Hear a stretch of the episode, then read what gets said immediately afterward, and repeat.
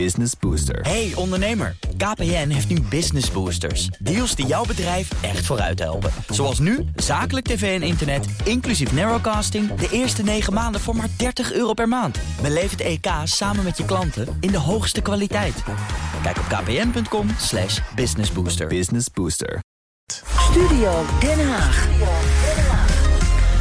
De ongelijkheid tussen sociale klassen in Nederland is structureel en hardnekkig. Dat blijkt uit onderzoek van het Sociaal en Cultureel Planbureau. En dat gaven ze de titel mee: Eigentijdse ongelijkheid. Ja, de belangrijkste boodschap: erken dat ongelijkheid een complex probleem is. En dat dat niet alleen te bestrijden is met economische maatregelen. Lees geld. Daar praten we over door met Kamerlid Pieter Omtzigt en met politiek verslaggever Leonard Beekman, beide vanuit Den Haag. Goedemiddag. Goedemiddag. Goedemiddag. Leendert, wat uh, lees jij nou als belangrijkste conclusies uit dat rapport? Ja, toch wel dat de ongelijkheid in Nederland groot is. En daarbij speelt de hoeveelheid geld dat je hebt, je vermogen of de opleiding of je salaris niet eens het belangrijkste. Of dat is niet de belangrijkste rol. Dat werd altijd wel zo opgeschreven in rapporten. Maar hierbij is ook gekeken naar. Ja, uh, wat is, hoe groot is je netwerk, je leefstijl, uiterlijk, gezondheid en ook dat draagt allemaal bij aan de positie op de maatschappelijke ladder. Nou, de hoogste klassen scoren op alle aspecten goed. Maar dan zie je de lagere klassen, de lagere sociale klassen. En ja, het SCP zegt dat is zorgwekkend. Hm. ze hebben het financieel slecht, zijn ongezond en hebben ook veel mentale problemen. Dan hebben we het over één op de zes Nederlanders. Ja. Ja, en om het probleem op te lossen, eh, hier in Den Haag is vaak de oplossing: smijt er een hoop geld tegenaan en dan lost het zich vanzelf wel op. Nou, dat is dus niet het geval. Om het aan te pakken moet er verder gekeken worden dan alleen maar de tegenstelling tussen rijk en arm. Ja, en het Sociaal Cultureel Planbureau onderscheidt dan zeven klassen, hè, geloof ik. Ja, ja Zeven. zeker. Ja, en Pieter Omtzigt, hoe kijkt u daarnaar? Ziet u ongelijkheid in deze mate als een soort ja, natuurverschijnsel van een samenleving? Of is dit echt specifiek het gevolg van beleid? Een gedeelte hiervan is specifiek het gevolg van beleid. Natuurlijk uh, hebben we niet allemaal dezelfde kansen of dezelfde uh, vaardigheden. Maar ja, als je over onzekere werken en precariaat hebt, dan heb je, over, en dan heb je het ook over de vormen van arbeidscontracten die je aanbiedt. Ja, precariaat, dat is dan een van die lagere sociale klassen, hè, waar mensen in grote onzekerheid leven. Ja, eigenlijk zijn er drie lagere klassen, of tenminste mensen die minder kansen hebben en tekorten hebben aan um, hulpbronnen, zoals dat zeggen. Dat zijn allemaal hele mooie woorden voor. Nou, dat, dat ze het gewoon erg moeilijk hebben. Dat zijn de laag opgeleide gepensioneerden, de onzeker werkenden en het precariaat. En wat ziet u daar dan als gevolg van beleid van en wat niet? Um, het, gevolg, het, gevolg van beleid is dat die onzeker werkenden um, soms onvoldoende vaardigheden hebben om, om werk te vinden. Mm. Um, of dat het uh, tijdelijke arbeidscontracten zijn. Um, er zitten er ook nog een paar van bij het precariaat. Um, ja, en die mensen die haken dus af. Die zeggen de overheid doet niet genoeg voor ons. En dit zijn dan ook weer precies de groepen die het meest met de overheid te maken hebben. Omdat ze iedere keer als het misgaat, moeten zich bij de overheid melden. Um, ze zijn van toeslagen afhankelijk, waarbij je natuurlijk gewoon weet dat het goed misgaan kan gaan met toeslagen. Um, en ja, wat voor beleid je dan moet maken is je moet je realiseren in welke positie die mensen zitten. En nu wordt er vaak een soort beleid gemaakt dat alleen maar gaat over stad en platteland. Of alleen maar over um, of je in de Randstad woont of, uh, of in de regio. Of ja. of je HBO, MBO of, of laag opgeleid bent. En zij zeggen het valt eigenlijk iets complexer uit elkaar, die samenleving. En als je dus alleen beleid maakt uh, langs die lijnen, dan mis je eigenlijk hele grote groepen in de samenleving. En wat echt heel zorgwekkend is in deze analyse, is dat heel grote van deze groepen afhaken, politiek afhaken, um, vinden dat de politiek er niet meer voor hun is. En dat is juist de mensen die eigenlijk het meest soms wat hulp nodig hebben. En eigenlijk ervaren die dat totaal niet. En die gaan ook niet meer stemmen, worden geen onderdeel meer van de samenleving. En dat kan een samenleving zich eigenlijk ook helemaal niet permitteren. Nee. En dat moet je ook niet willen als nee. samenleving. Leendert, laten we nog even inzoomen op die verschillende klassen. Wat valt daarbij op? En wat opvalt is de werkende bovenlaag, dat is ongeveer 20% van de bevolking. Als je dan kijkt naar die drie lagen die de heer Om zich net uh, benoemde, uh, dan valt op dat de werkende bovenlaag, de 20% van de bevolking, werkt voor de overheid, voor een deel. Zij maken het beleid. En wat het probleem is, zo wordt in het rapport onderschreven, is dat zij eigenlijk de problemen niet kennen en herkennen die er spelen bij de groepen die, die minder goed bedeeld zijn. En daardoor wordt het beleid ook niet goed uh, op hen toegespitst. En dat vond ik wel heel opvallend in, in, dit, in dit stuk. Maar jij zegt, ja, de, de werkende bovenlaag, die 20 procent. Ja, niet iedereen werkt voor de overheid, toch? Er zijn toch ook gewoon. Nee, niet iedereen werkt voor de overheid. Maar een, een, er wordt gezegd over de beleidsmakers. En dat zien we hier natuurlijk ook in Den Haag. Ook in politiek Den Haag. Beleidsmakers hoort, behoren wel tot die werkende bovenlaag. En ze herkennen de problemen niet die in andere delen van de samenleving spelen. En Pieter Omtzigt, daar hebben we het hier vaker ook over gehad. Hè, dat de Kamer vaak, uh, of vaak, die is bevolkt door HBO of universitair opgeleide mensen voor het grootste gedeelte. Die wonen dan ook nog eens in de randstad. Ja, hoe kun je die ongelijkheid tussen die klassen doorbreken? Nou, om te beginnen met een nieuw kiesstelsel. Eh, de Tweede Kamer ehm, bestaat ook voor een heel groot gedeelte uit mensen uit de werkende bovenlaag. Uh, de mensen die ook al in de werkende bovenlaag zaten voordat ze in de Tweede Kamer zaten. Mhm. Kijk, met een, met een inkomen als Kamerlid zit je sowieso in de bovenlaag. En um, ja, wat doen wij? We selecteren en de beleidsmakers in de ministeries en de volksvertegenwoordigers en de rechters en alle mensen die iets over zeggen komen uit die bovenlaag. Maar zou daar dan een kwotum op moeten komen, bijvoorbeeld? Nou nee, want dan zou ik hier ook een sticker moeten opplakken. Dan zou je ook zeggen dat, dat ik iedereen precies in een van die zeven groepen kan indelen. En laat nou ja, zo zeggen, je kunt wel dat zeggen ik niet doen. Dat we een bepaald aantal uh, volksvertegenwoordigers willen hebben die MBO opgeleid zijn, bijvoorbeeld. Ja, dat is een beetje lastig, want volksvertegenwoordigers worden gekozen op een lijst. Dus, um, um, maar mijn eerste voorstel zal zijn om in ieder geval als te beginnen met een regionale spreiding. Dat betekent dus dat eh, de, de, de, op dit moment komen, bijvoorbeeld, er komen meer dan 25 eh, of 30 Kamerleden uit Amsterdam en er komt er ja. uit Twente. Um, dus daar dan wel een kwotum binnenkort. Nee, maar als je een kiesstelsel hebt met districten, dan is het gebied um, Achterhoek en Twente net zo groot als het gebied Amsterdam, wat inwoners betreft. En nu heeft het ene gebied twintig keer zoveel Kamerleden als het andere gebied. En dat hoeft niet helemaal precies hetzelfde te zijn.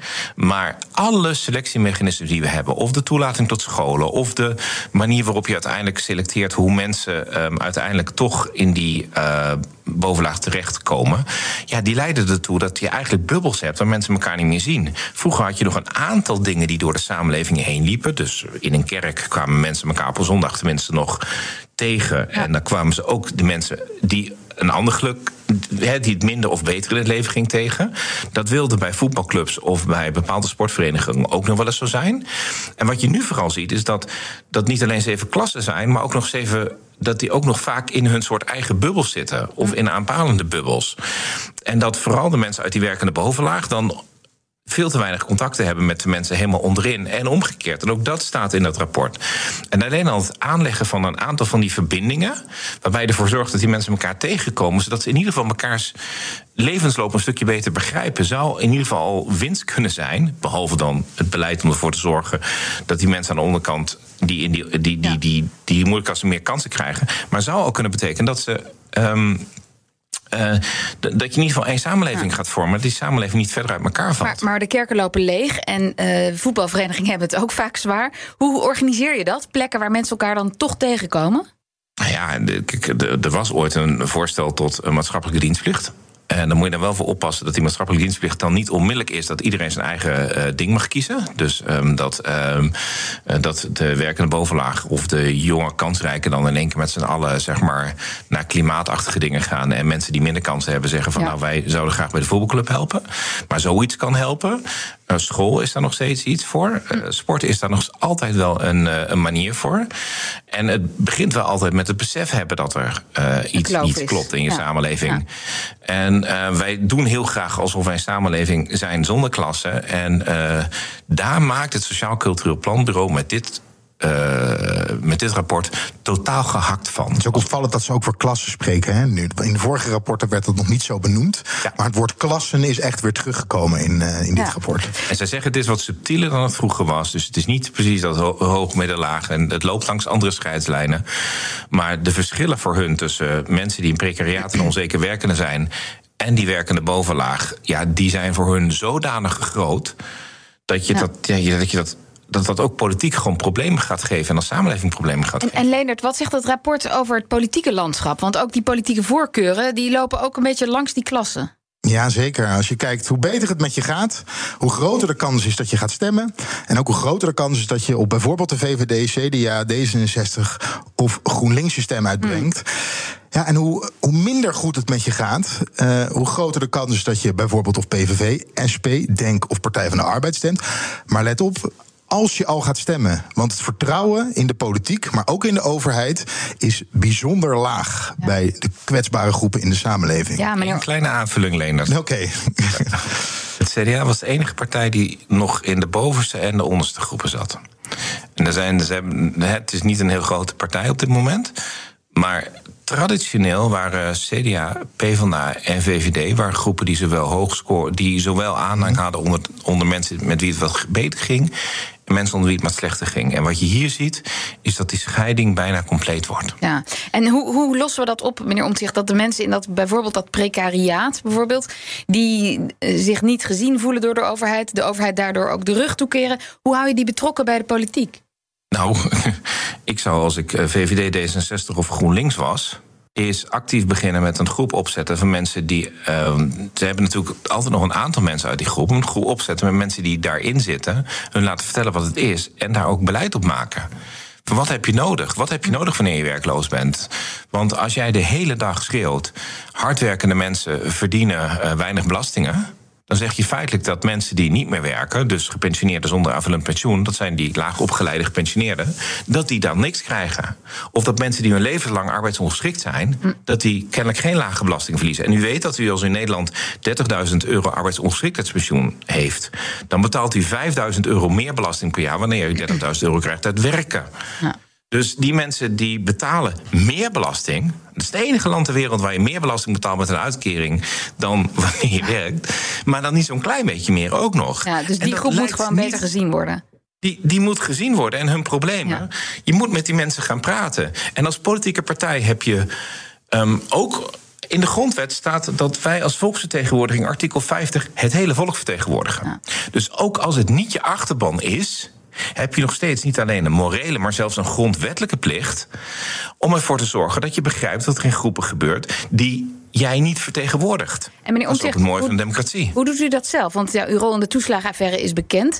Maar hoe uh, zoekt u de mensen op die zich niet meer zo betrokken voelen bij de politiek? Voordat nou, dat misgaat. Die, uh, die, weten me helaas zo goed te vinden dat ik zelfs niet allemaal te woord kan staan. Maar dus hoe doet u het dan? Lastig, Want zij weten u te vinden, maar hoe houdt u de, de thermometer uh, in de samenleving? Ik probeer het ook via mijn privéleven te doen. Dus gewoon mijn privéleven te houden wat ik ook voordat ik Kamerlid was. Dus ik, ik kom wel in een kerk of in een voetbalvereniging die, uh, die, die, niet een, een, een, een, totale bubbel is. Toevallig mijn kinderen daar zitten hoor. Nou, misschien niet heel toevallig. Nou, het is niet zo dat ik mijn kind naar. Het is, ik heb, mijn kinderen zijn net zo eigenwijs als ik. Die is echt een eigen voetbalvereniging uit hoor. Dat, is echt niet dat ze gestuurd worden door mijn vader. Maak je daar niet druk over. Maar goed, een beetje meer stu- laten we het even weghouden bij, bij uw kinderen. Uh, maar een beetje sturing in de samenleving. Dus via zo'n maatschappelijke diensttijd bijvoorbeeld. Daar bent u wel voor. Daar ben ik zeker voor. Um, en een beetje sturen met uh, hoe zorg je ervoor. Dat, dan kun je beginnen met uh, die, die, die, uh, een, een, een stage voor iedereen. Dat is ook wat, wat gemengd worden. Uh, het is ook een keuze en dan wat van school doe je kinderen. Ik bedoel, ik heb ze ook naar school gedaan waar. Ja, scholen zijn toch ook bubbels? Kom op, die zitten ook in bepaalde wijken natuurlijk. Dat, daar, daar, nou, dat is misschien ook een probleem. Zijn, bepaalde scholen zijn bubbelachtiger dan andere scholen. en u weet heel goed in Amsterdam welke scholen totale bubbels zijn. Nou, ik woon niet in Amsterdam hoor, dus uh, ik weet niet welke scholen dat zijn. Maar dat vertel ik nou, na de uitzending, Kees, want ik woon wel in Amsterdam. Dat, Kees, ik wou net zeggen, dat weten jullie daar heel erg goed. Er zit een lotingssysteempje op. Um, ik, en, en je probeert met die mensen te praten. Dus je probeert uh, die plekken uh, te bezoeken. Ja. Uh, te praten bij een voedselbank of te okay. praten bij plekken waar, mensen, waar je weet dat mensen komen die het moeilijk hebben, die je niet automatisch ziet. Nee. En of dat altijd lukt, ja, ik doe mijn best. Hier moeten we het bij laten. Dank jullie wel. Kamerlid Pieter Omtzigt en politiek verslaggever Leendert Beekman. Hardlopen, dat is goed voor je. En Nationale Nederlanden helpt je daar graag bij. Bijvoorbeeld met onze digitale NN Running Coach... die antwoord geeft op al je hardloopvragen. Dus, kom ook in beweging. Onze support heb je. Kijk op nn.nl slash hardlopen.